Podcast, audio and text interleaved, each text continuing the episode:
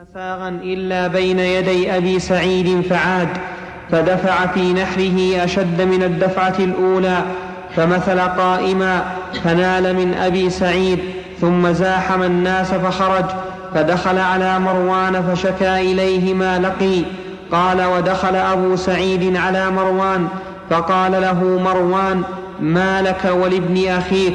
جاء يشكوك.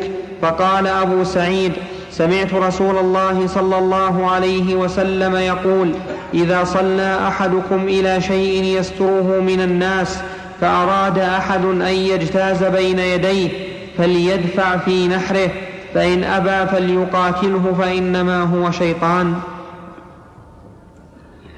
وهذا من فوائد السترة أن الإنسان إذا صلى إلى سترة فله أن يمنع من يحول بينه وبينها وله أن يقاتل على ذلك. لقوله إذا صلى أحدكم إلى شيء يستره من الناس. وفي هذا دليل على حسن حال الخلفاء فيما سبق والأمراء لأنه أبا سعيد حين استدل عليه بالحديث سكت ولم يقل ولم يحر جوابا. نعم. أي نعم. شيخ مفهوم المدافع أنه ربما لو زاد في الحركة أو شيء لا يؤثر في الصلاة. ثلاث حركات ما تؤثر. اللي حصل من أبي سعيد ثلاث مرات. احسن الله عليك بالنسبة للمراه كذلك اذا كانت تصلي واراد رجل أن يقطع صلاتها ان يقطع صلاتها كذلك لا الرجل لا يقطع الصلاة سواء مر بين يدي امرأة أو بين يدي رجل. نعم. ها؟ دفع المصلي ظاهر الحديث آه، آه، أنه يجب لأنه قال فلا يدع أحدا يمر بين يديه. لكن من المعلوم أن الدافع لا تظن أن الدافع يعطيه لكس. نعم. الدفع إذا منع قال هكذا هذا دفع. بس تفتق أسطور الناس. نعم. حدثني هارون بن عبد الله ومحمد بن رافع قال حدثنا محمد بن إسماعيل بن أبي فديك ابن أبي فديك عن الضحاك بن عثمان عن صدقة بن يسار عندك فتح الفاء إيه؟ ولا بضمها؟ لم تضبط عندي ها؟ لم تضبط أي بالضم. حدثنا محمد بن إسماعيل بن أبي فديك عن الضحاك بن عثمان عن صدقة بن يسار عن عبد الله بن عمر أن رسول الله صلى الله عليه وسلم قال إذا كان أحدكم يصلي فلا يدع أحدا يمر بين يديه فإن أبى فليقاتله فإن معه القرين حدثني إسحاق بن هذا الحديث ظاهره أنه لا يدع أحدا يمر بين يديه سواء جعل له سترة أم لا.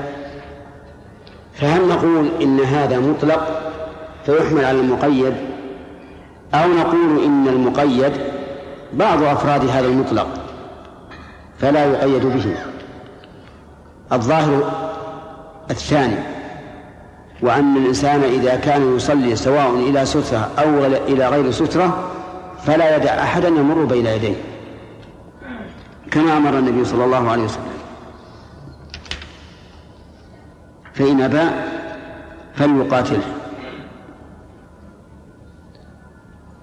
حدثني إسحاق بن إبراهيم قال أخبرنا أبو بكر الحنفي قال حدثنا الضحاك بن عثمان قال حدثنا صدقة بن يسار قال سمعت ابن عمر يقول إن رسول الله صلى الله عليه وسلم قال بمثله حدثنا يحيى بن يحيى قال قرأت على مالك عن أبي النضر عن بسر بن سعيد أن زيد بن خالد الجهني أن زيد بن خالد الجهني أرسله إلى أبي جهيم يسأله ماذا سمع من رسول الله صلى الله عليه وسلم في المار بين يدي المصلي؟ قال أبو جهيم قال رسول الله صلى الله عليه وسلم لو يعلم المار بين يدي المصلي ماذا عليه لكان أن يقف أربعين خيرا له من أن يمر بين يديه. في هذا الحديث رواية الأقران.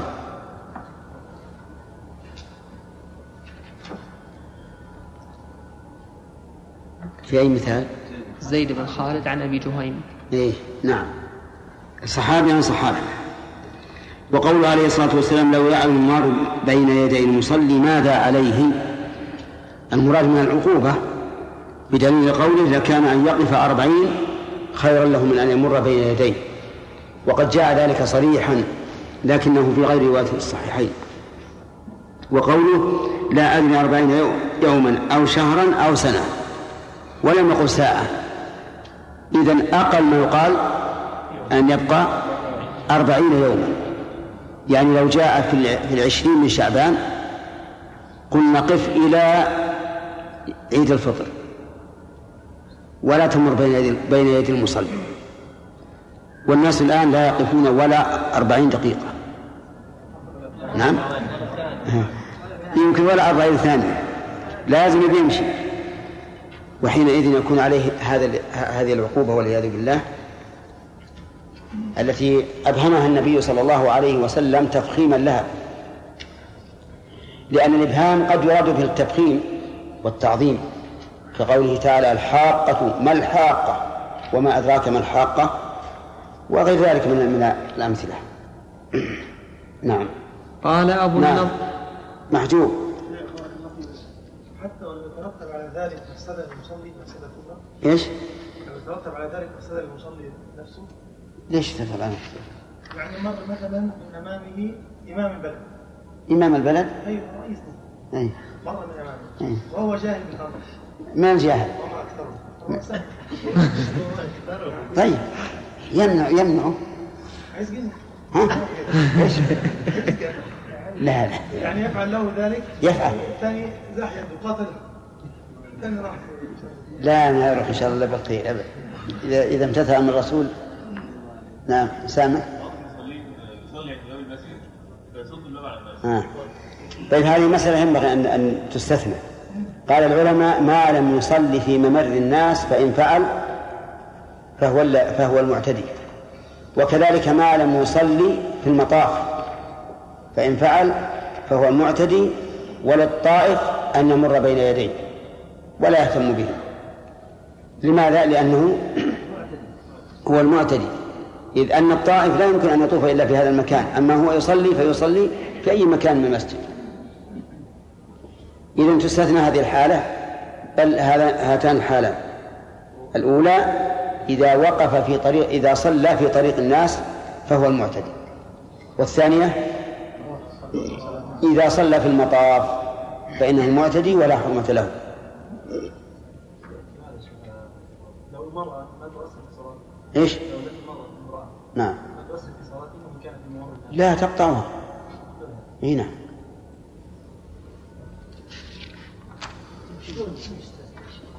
نعم. يعني بمعنى إن الطائف يجوز ان ان أن يمر. هنا. يجوز أن تمر بين يدي رجل ثم تبطل صلاته ويعيد نعم. استمر. نعم. استمر. اعتقدت أنك تعني غيري. إيش؟ أقول اعتقدت أنك تعني غيري. إيه طيب. قال أبو النضر لا أدري قال أربعين يوما أو شهرا أو سنة. حدثنا عبد الله بن هاشم بن حيان العبدي قال حدثنا وكيع عن سفيان عن سالم أبي النضر عن بسر بن سعيد أن زيد بن خالد الجهني أرسل إلى أبي جهيم الأنصاري ما سمعت النبي صلى الله عليه وسلم يقول فذكر بمعنى حديث مالك. باب دنو المصلي من السترة.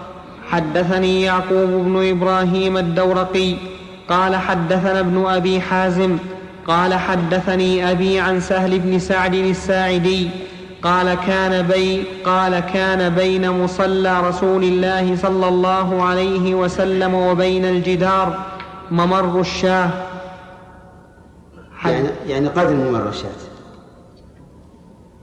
حدثنا إسحاق بن إبراهيم ومحمد بن المثنى واللفظ لابن المثنى. قال إسحاق أخبرنا وقال ابن المثنى حدثنا حماد بن مسعدة عن يزيد يعني يعني ابن أبي عبيد عن سلمة وهو ابن الأكوع أنه كان يتحرى موضع مكان المصحف يسبح فيه وذكر أن رسول الله صلى الله عليه وسلم كان يتحرى ذلك المكان. وكان بين المنبر والقبلة قدر ممر الشاه.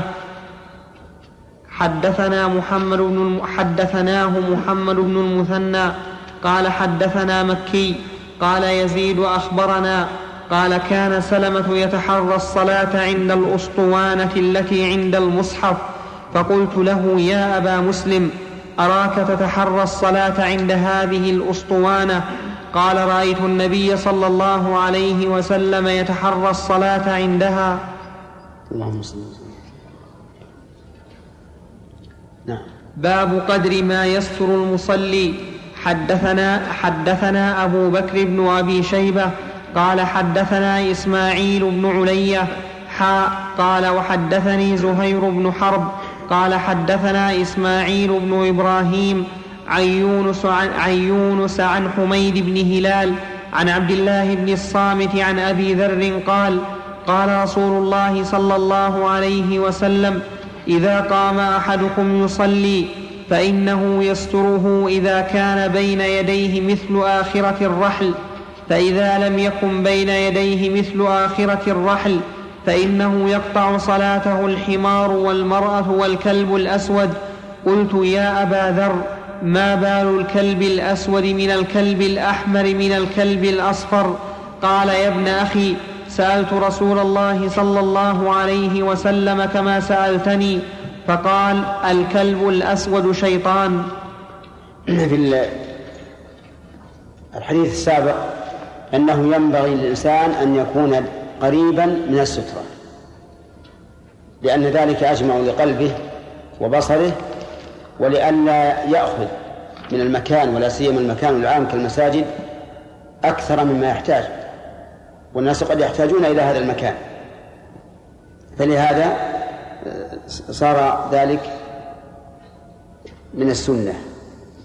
أما حديث أبي ذر فإنه يفيد أن الحمار والمرأة والكلب الأسود كلها تقطع الصلاة.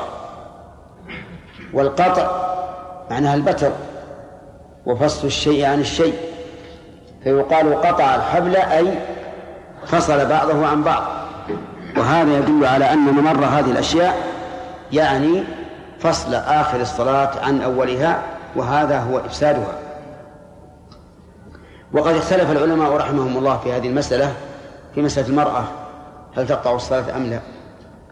فمنهم من قال لا تقطع وعلى رأسهم عائشة رضي الله عنها.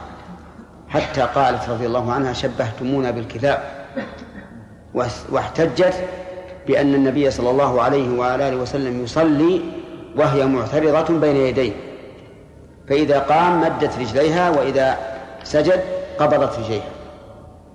ولكنها رضي الله عنها وعفى عنها استدلت في غير مستدل لأن النبي صلى الله عليه وعلى آله وسلم ذكر هؤلاء الثلاثة إذا إذا مروا. وفعلها هي ليس مرورا. وإذا اختلفت الحقيقتان فإنه لا يجوز أن تعارض إحداهما بالأخرى. و ومن فوائد هذا الحديث أن الحمار يقطع سواء كان صغيرا أم كبيرا وسواء كان أسود أم أبيض وأن الكلب يقطع الصلاة سواء كان كبيرا أم صغيرا؟ أصفر أو أبيض؟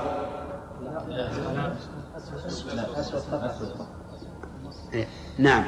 إذا لابد أن يقيد بالأسود وأن المرأة تقطع الصلاة سواء كانت صغيرة أم كبيرة. لا لأنه لا يطلق اسم المرأة إلا على البالغة. وعلى هذا فنقول إن مرها الصغيرة لا يقطع الصلاة. ويدل لهذا أن النبي صلى الله عليه وسلم مر بين يديه عمر ابن أبي سلمة وأخته أظنها زينب فمنع الصبي فامتنع. ومنع الصبية فلم تمتنع. مرت. فلما سلم قال هن أغلب يعني النساء. فدل ذلك على أن المرأة البالغة. وفي هذا الحديث دليل على حرص الصحابة رضي الله عنهم على معرفة الحكمة في أحكام الله عز وجل. وجه الدلالة؟ سؤال أبي ذر عن اختلاف الحكم بين الكلب الأسود وغيره. وفي أيضا حسن خلق النبي صلى الله عليه وعلى وسلم فإنه هو المشرع عن الله ومع ذلك لم ينكر طلب آه، بيان الحكمة من اختلاف الحكم بين الأسود وغير الأسود وقال الكلب الأسود شيطان. فهل نقول أجب كل من سألك عن الحكمة؟ أو نقول إن الحالة تختلف فمن سألك يريد التعنت فأنت بالخيار. كما قال الله تعالى للنبي صلى الله عليه وسلم عن بني إسرائيل فإن جاءوك فاحكم بينهم أو أعرض عنهم. ومن سأل يريد الاسترشاد فلا حرج بل يجب عليك أن تبين له ما تعلم من الحكمة. ومثل ذلك أيضا لو سألك عن حكم وعلمت أن الرجل لا يريد إلا التعنت أو يريد أن يأخذ منك كلاما ويذهب إلى العالم الآخر ويقول, ويقول أفتني في كذا ثم إذا أفتاه قال قال فلان كذا. فلك الخيار في أن تجيبه أو لا. والحاصل أن من غلب على ظنك أنه ليس مسترشدا وله غرض آخر فأنت بالخيار. إن شئت أجبه وإن شئت فلا تجبه نعم. فإن لم يكن بين يديه بين يديه مثل الرأي. ظاهره أنه تقطع أن ما دون ذلك تقطع الصلاة. أي نعم لكن الأحاديث الأخرى تقيد هذا تبين أن ما دون ذلك يكفي.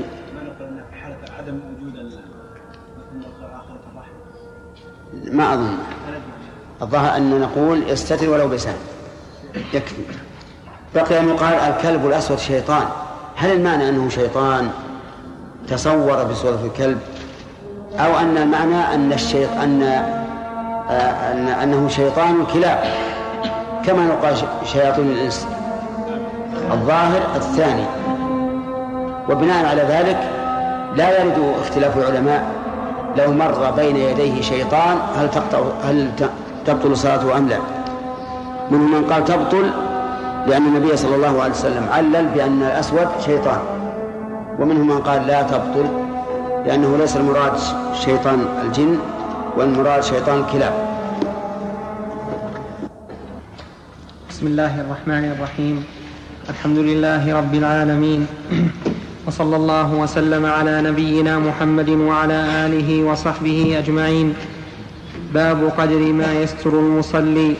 قال الإمام مسلم رحمه الله تعالى في كتاب الصلاة حدثنا شيبان بن فروخ قال حدثنا سليمان بن المغيرة حاء قال وحدثنا محمد بن المثنى وابن بشار قال حدثنا محمد بن جعفر قال حدثنا شعبة حاء قال وحدثنا إسحاق بن إبراهيم قال أخبرنا وهب بن جرير قال حدثنا أبي حاء قال وحدثنا حاء قال وحدثنا إسحاق أيضا قال أخبرنا المعتمر بن سليمان قال سمعت سلم بن أبي الذيال حاء قال وحدثني يوسف بن حماد المعني قال حدثنا زي زياد البكائي عن عاصم الأحول كل هؤلاء عن حميد بن هلال بإسناد يونس, يونس كنحو حديثه.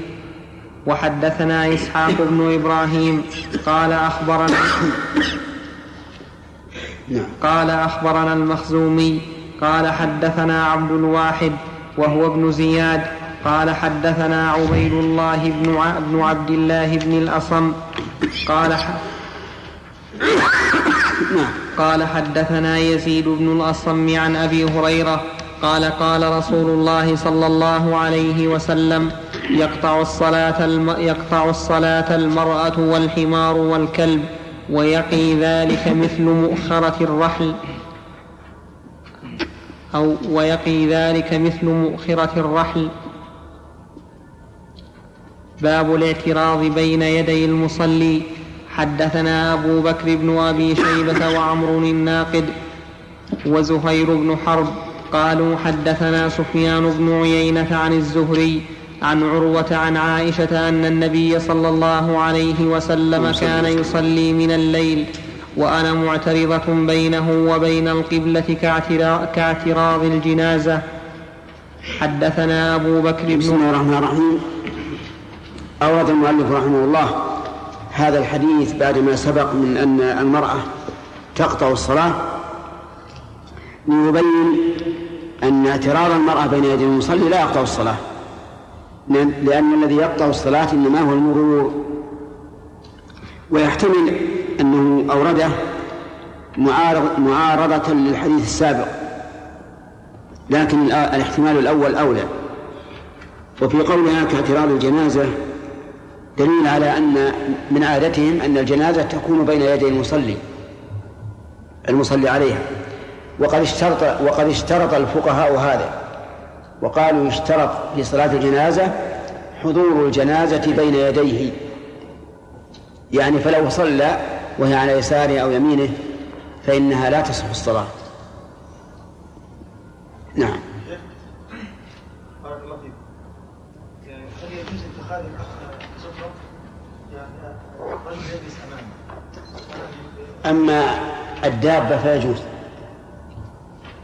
دابة يجوز واما الادمي وأما الآدمي ف- ف- فلا أدري. الله لا مات الرسول ما اتخذها سترة. نعم. نعم هل هل تقطع المرأة؟ صلاة المرأة؟ إي نعم نعم نعم. نعم يا عبد الله لو صلى شخص رجل يوم الجمعة الركعة الثانية ومرت به امرأة مع أن نقول صلاته باطل يوم الجمعة وهو يصلي صلاة الجمعة في الركعة الثانية ومرت به امرأة إمام ولا مأموم؟ إمام؟ نعم تعاد الصلاة. تعاد الصلاة جمعة. ها؟ تعاد جمعة. ثلاثة. ثلاثة. نعم. حدثنا أبو بكر بن أبي شيبة قال حدثنا وكيع عن هشام عن أبيه عن عائشة قالت كان النبي صلى الله عليه وسلم يصلي صلاته من الليل كلها من ال... يصلي صلاته من الليل كلها وأنا معترضة بينه وبين القبلة فإذا أراد أن يوتر أيقظني فأوترت. وحدثني عمرو بن علي قال حدثنا محمد بن جعفر قال حدثنا شعبة عن أبي بكر بن حفص عن عروة بن الزبير قال قالت عائشة ما يقطع الصلاة؟ قال فقلنا المرأة والحمار فقالت إن المرأة, إن المرأة لدابة سوء لقد رأيتني بين يدي رسول الله صلى الله عليه وسلم معترضة كاعتراض الجنازة وهو يصلي. حدثنا عمرو الناقد وأبو سعيد الأشج قال حدثنا حفص بن غياث حا قال وحدثنا عمرو بن حفص بن غياث واللفظ له قال حدثنا أبي قال حدثنا الأعمش قال حدثني إبراهيم عن الأسود عن عائشة قال الأعمش وحدثني مسلم عن مسروق عن ما عائشة. عندنا الأعمش. الثاني ما عندنا. قال وحدثني. ما عندي الأعمش. شوف الشرح.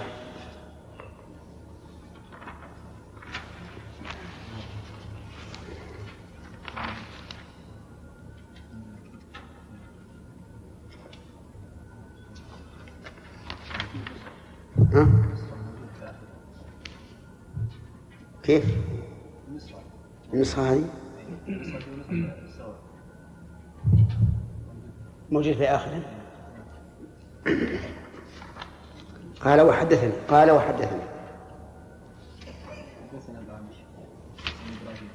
نعم. عن الأسود عن عائشة. قال وحدثني.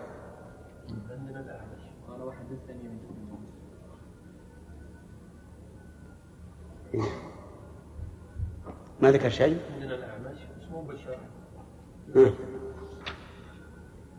قال الأعمش وحدثني مسلم إيه. قال الأعمش. وحدثني مسلم لكن ما عندنا قال الأعمش. الأعمش ما هي موجود ها؟ حدثنا الأعمش. حدثنا الأعمش. إيه ما يخالف حدثنا الأعمش. قال حدثني إبراهيم عن الأسود عن عائشة قال وحدثني مسلم. ونسخة خالد يقول قال الأعمش. ها؟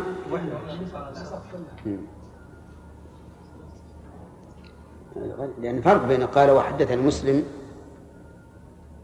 عن مسوق عن عائشة والظاهر أنه الأعمش حتى وإن لم يذكر لأن السند مسلم عن مسوق عن عائشة وهذا لا لا يمكن أن يكون من المؤلف. نعم. قال الأعمش وحدثني مسلم عن مسروق عن عائشة وذكر عندها ما يقطع الصلاة الكلب والحمار والمرأة فقالت عائشة قد شبهتمونا بالحمير والكلاب والله لقد رأيت رسول الله صلى الله عليه وسلم يصلي وإني على السرير بين بينه وبين القبلة مضطجعة فتبدو لي فتبدو لي فتبدو لي فتبدو لي الحاجة فأكره أن أجلس فأوذي رسول الله صلى الله عليه وسلم فأنسل من عند رجليه.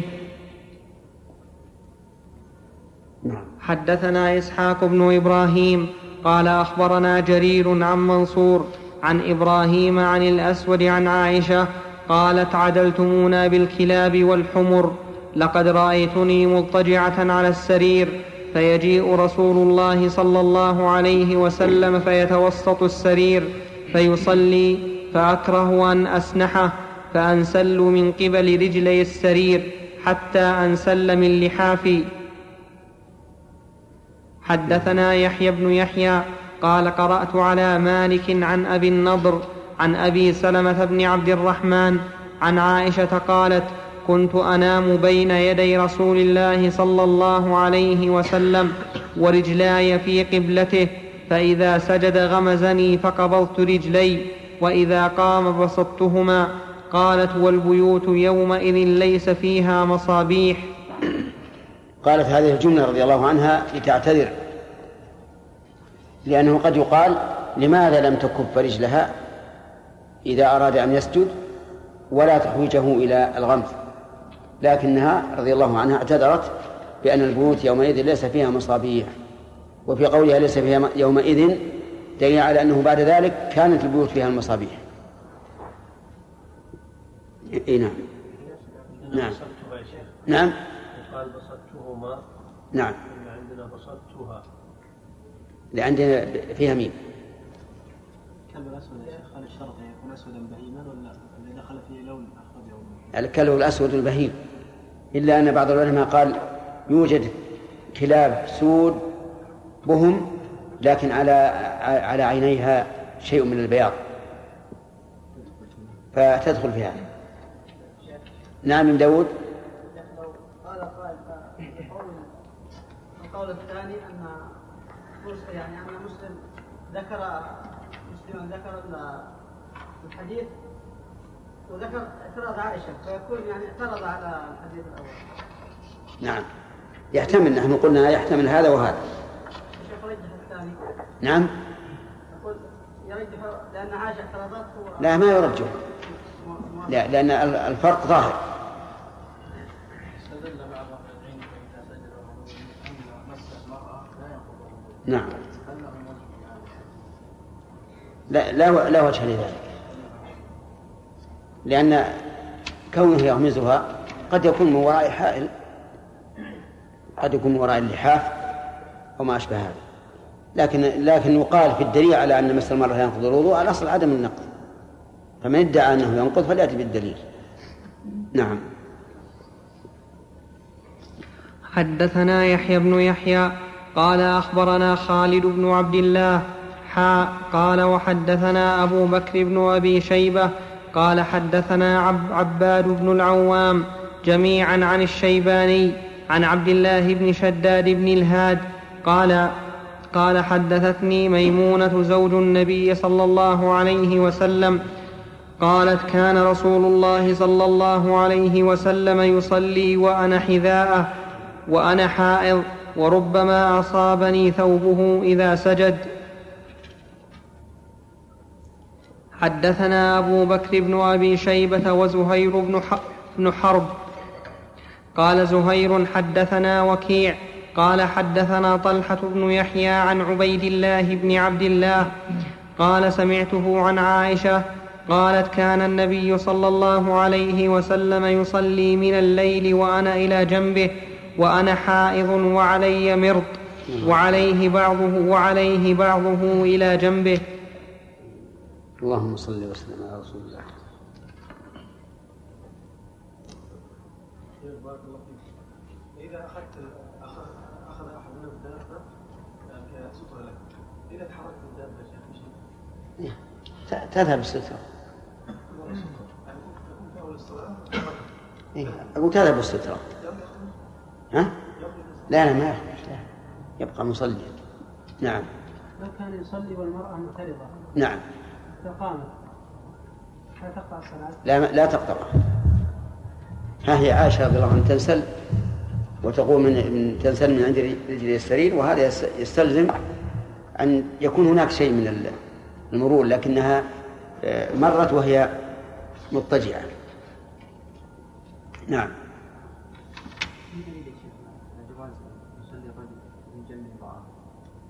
على جواز إيش؟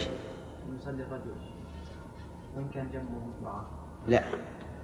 المرأة تكون خلف الرجل حتى ولو كانت أمه أو زوجته. نعم.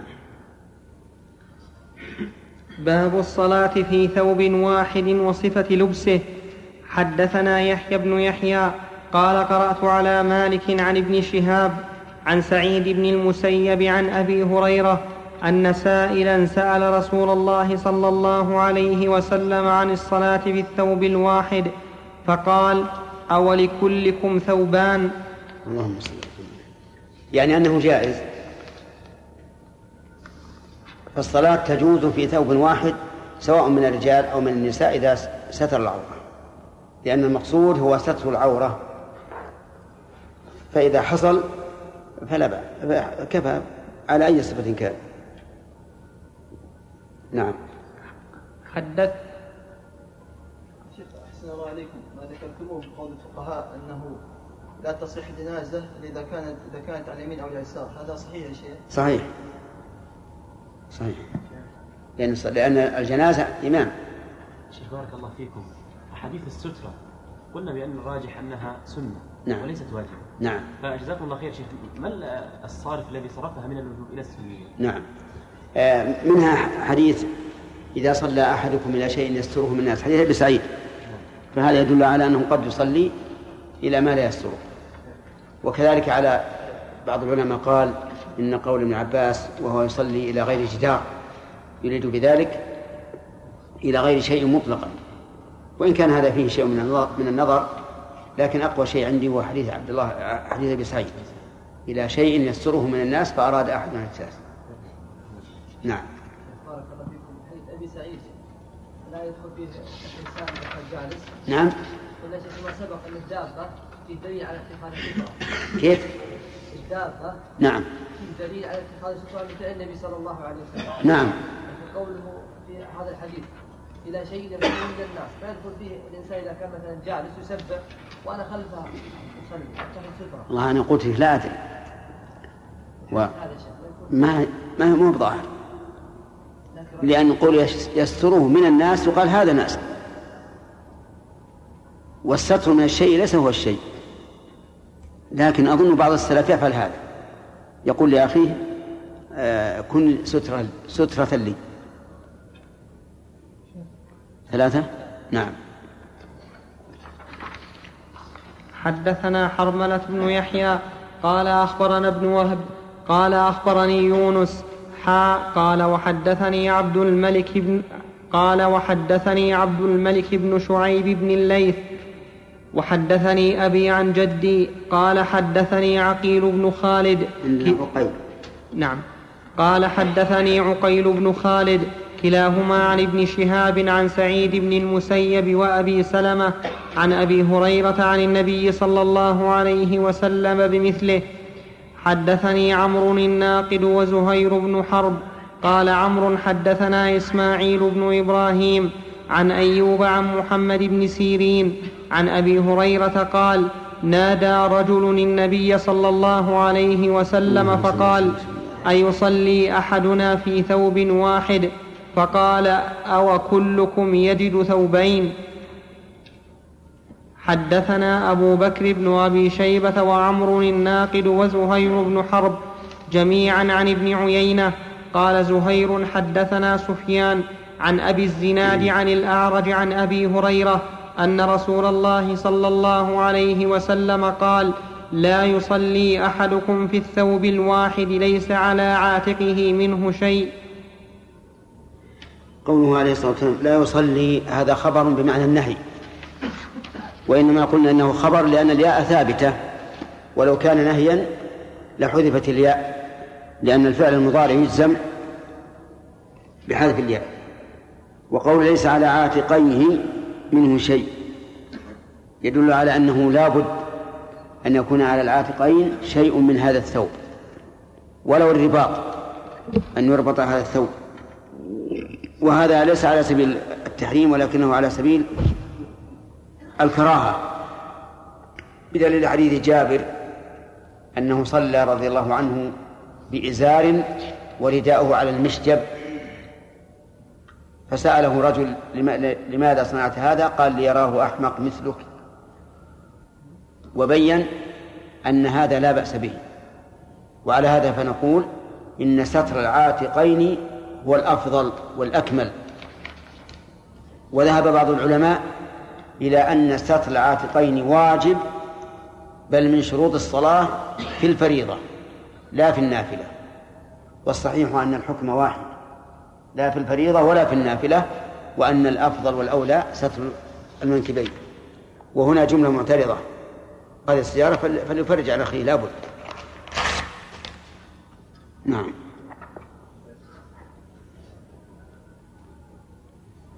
أخذنا ثلاثة. ها؟ كم أخذنا؟ الحديث ما أخذنا شيء. طيب. أيهن؟ نعم. قوله إذا صلى إلى إلى شيء يستره من الناس. فهذا يدل على الناس ينقسمون إلى قسمين. قسم يصلي إلى شيء يستره وقسم لا يصلي. احفظ الآن ثلاثة لكل واحد. نعم. من الآن. من الآن إن شاء الله. من الآن وما مضى فيبنى عليه. نعم.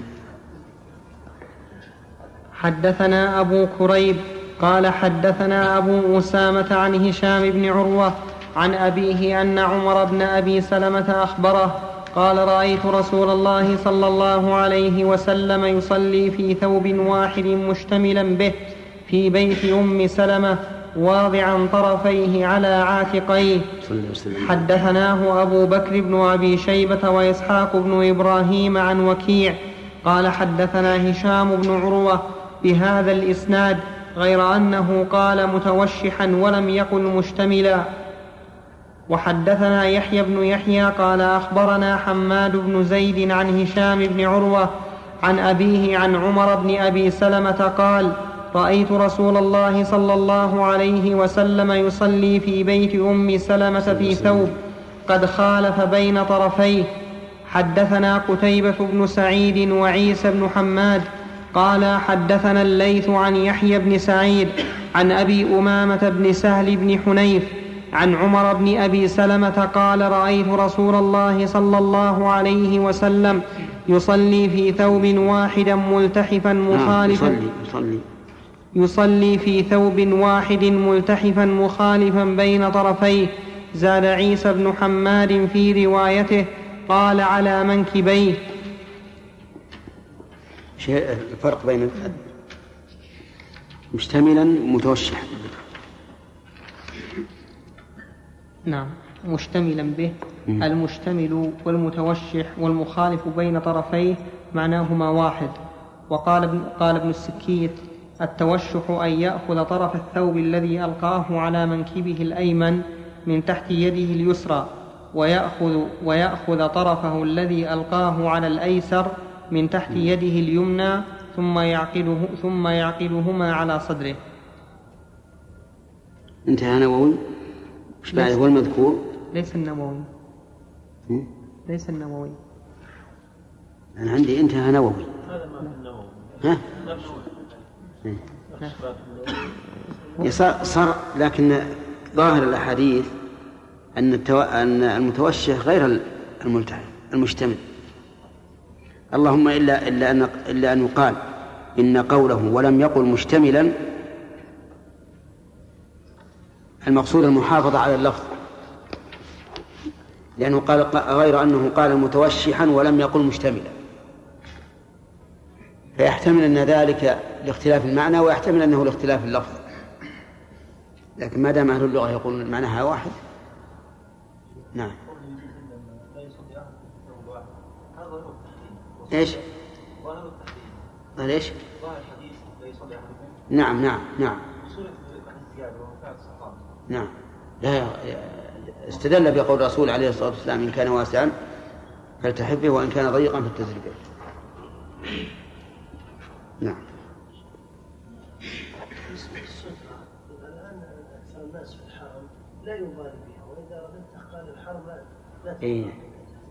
لأن بعض العلماء يقول إن مكة لا لا لا لا يتخذ فيها السترة وبعضهم يقول المسجد الحرام فقط. و... بحديث ابن عباس إلى غير جدار. وهو المذهب. المذهب عندنا أن الحرم كله ليس له سترة ولكن الصحيح أن له سترة كما قال البخاري. الصحيح. باب السترة بمكة وغيرها. لا أخذت ثلاثة أنت لا يا أخي نعم. حدثنا أبو بكر بن أبي شيبة قال حدثنا وكيع قال حدثنا سفيان عن أبي الزبير عن جابر قال رأيت النبي صلى الله عليه وسلم يصلي في ثوب واحد متوشحا به. حدثنا محمد بن عبد الله بن نمير. قال حدثنا أبي قال حدثنا سفيان. حاء قال وحدثنا محمد بن المثنى.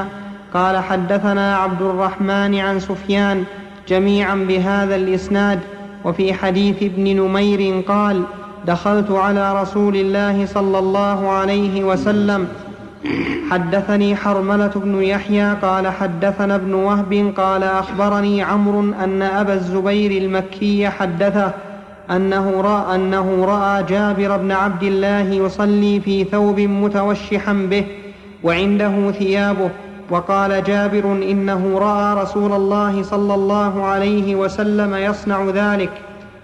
حدثني عمرو الناقد وإسحاق بن إبراهيم واللفظ لعمرو قال حدثني عيسى بن يونس قال حدثنا الأعمش عن أبي سفيان عن جابر قال حدثني أبو سعيد الخدري أنه دخل على النبي صلى الله عليه وسلم قال فرأيته يصلي على حصير يسجد عليه قال ورأيته يصلي في ثوب واحد متوشحا به.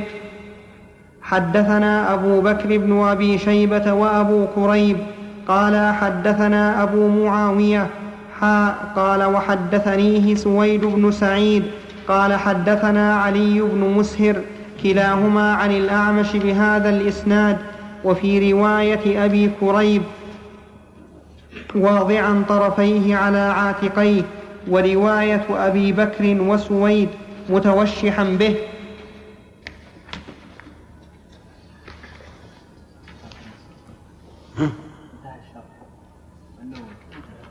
كيف؟ اي طيب. أنا عندي باقي واجب. ها؟ ها؟ طيب. يلا. بسم الله الرحمن الرحيم. بسم الله الرحمن الرحيم. كتاب المساجد ومواضع الصلاة. حدثني أبو كامل الجحدري. قال حدثنا عبد الواحد قال حدثنا الأعمش حاء قال وحدثنا أبو بكر بن أبي شيبة وأبو كريب قال حدثنا أبو معاوية عن الأعمش عن إبراهيم التيمي عن أبيه عن أبي ذر قال قلت يا رسول الله أي مسجد وضع في الأرض أول؟ قال المسجد الحرام. أولا. عندكم هو المعروف أول لكن هنا منصوب.